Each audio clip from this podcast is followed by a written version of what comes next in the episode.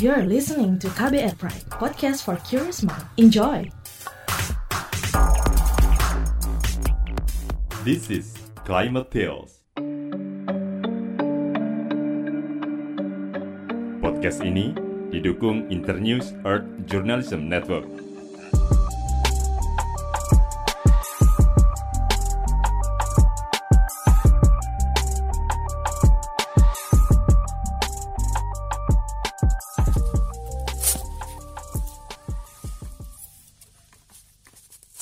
Kalau aku udah jenuh banget ya udah aku tinggal lari ke depan, nyiram-nyiram, ngecek tanaman, nutrisinya cukup atau enggak, atau ada yang perlu dipanen atau enggak, kayak gitu sih. Resita Dwi Ayuni adalah ibu rumah tangga asal Jember, Jawa Timur.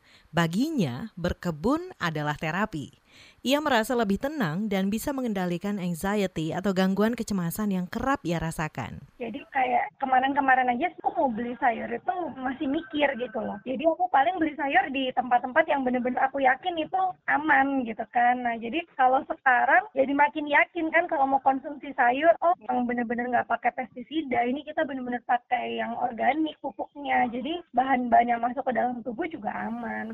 Resita bahkan merasa gangguan kecemasannya berkurang saat memakan sayuran yang ditanam sendiri. Ia bisa yakin kalau sayurannya bebas pestisida. Ia pun bisa membuat pupuk kompos sendiri.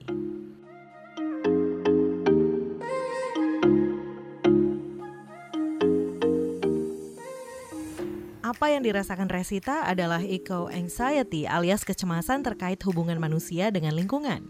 Istilah ini diungkap dalam riset tahun 2017 dari The American Psychiatric Association yang memperlihatkan kaitan antara perubahan iklim dan kesehatan mental. Dalam jurnal ini disebut perubahan iklim yang ditandai cuaca ekstrim, kebakaran hutan, banjir, serta terancamnya sumber pangan kita bisa memicu gejala stres, depresi, gangguan kecemasan, dan bahkan pikiran untuk bunuh diri. Ini kan nyata ya, kayak misalnya sekarang kita tidak bisa memprediksi mana musim hujan, mana musim panas, apa kalau di Indonesia ya, kayak gitu. Jadi yang timbul pertama adalah apa? Kecemasan. Kecemasan itu kalau tidak dihandle dengan baik dia jadi akan uh, ansietas, ansietas disorder, gangguan ansietas atau anxiety disorder. Dan menurut penelitian, anxiety disorder itu adalah gangguan mental yang paling banyak diderita oleh seluruh orang di dunia gitu. Muncul dari kecemasan. Itu tadi Igi Oktavianti, salah satu founder Bipolar Care Indonesia, wadah kelompok pendukung bagi orang dengan bipolar di Indonesia yang terbentuk sejak 2013 silam. Ia adalah orang dengan bipolar. Ia pun merasakan kecemasan itu. Misalnya kita breakdown dari pemanasan atau kenaikan suhu bumi. Jadi lebih panas ya. Jadi gini, secara logika aja kalau panas itu biasanya emosinya naik. Terus harusnya hal-hal yang bisa dibicarakan dengan kepala dingin, calm gitu ya. Itu jadi emosi gitu kan. Itu baru yang panas. Dan memang studi-studi mengatakan bahwa pada suhu panas orang cenderung untuk berkonflik terus melakukan hal-hal yang berbahaya gitu ya, mulai dari yang menyakiti orang lain sampai menyakiti diri sendiri. Itu munculnya adalah dari ya tadi satu kecemasan, kedua ketidaknyamanan. Kata Igi, perubahan iklim juga mengubah cara orang bertahan. Ada yang mampu melewatinya dengan baik, tapi ada juga yang merasa sampai ingin bunuh diri. Jadi ya itu tadi sangat-sangat berpengaruh perubahan iklim itu sebenarnya. Dan aku setuju itu bisa menyebabkan bunuh diri. Baik itu bunuh diri itu kan dari depresi biasanya. Biasanya paling erat kaitannya dengan depresi.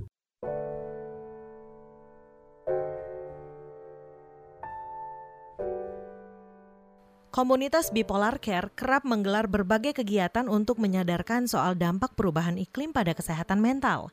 Mereka juga menjadikan berbagai kegiatan penyelamatan lingkungan sebagai salah satu cara meredam stres dari temu komunitas itu biasanya kita sharing-sharing nih komunitas-komunitas apa aja dari mana dan itu biasanya banyak tuh komunitas yang peduli lingkungan. Nah, kita bisa belajar tuh dari sana. Termasuk misalnya komunitas penanam mangrove gitu ya. Nah, itu kita kenapa mangrove itu apa sih gitu. Mangrove aja kita apa, apa sih gitu. Terus kenapa mesti kita menanam mangrove? Itu ternyata penting gitu buat ekosistem gitu misalnya.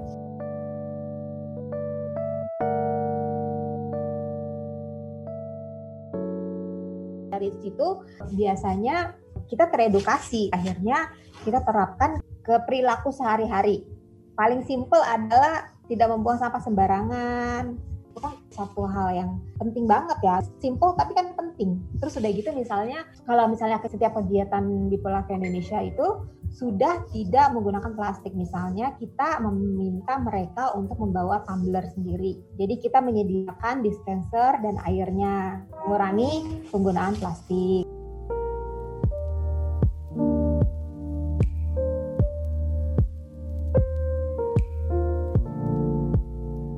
Bagi para pejuang kesehatan mental, bertahanlah. Misalnya kalau di masa pandemi sekarang ini orang hobi sekali kan bumi lagi healing nih.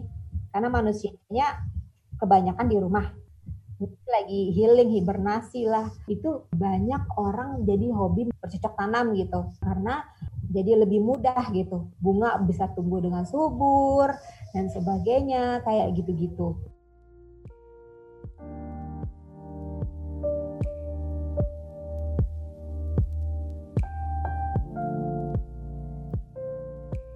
nggak perlu menjadi Leonardo DiCaprio. Kita kan hanya melakukan hal, hal kecil aja. Misalnya ke aku sekarang udah nggak pernah lupa untuk bawa tas. Karena kan udah nggak ada plastik.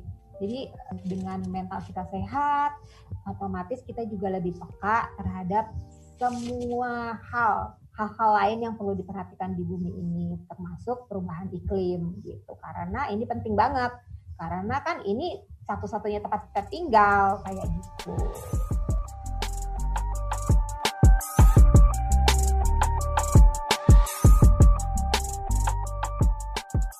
Kamu baru saja mendengarkan Climate Tales produksi KBR Prime didukung Internews Earth Journalism Network. Share podcast ini ke media sosial dan ajak teman-temanmu ikut mendengarkan ya. Saran dan komentar bisa di email ke podcast at kbrprime.id. Saya Aika, sampai ketemu di episode Climate Tales selanjutnya.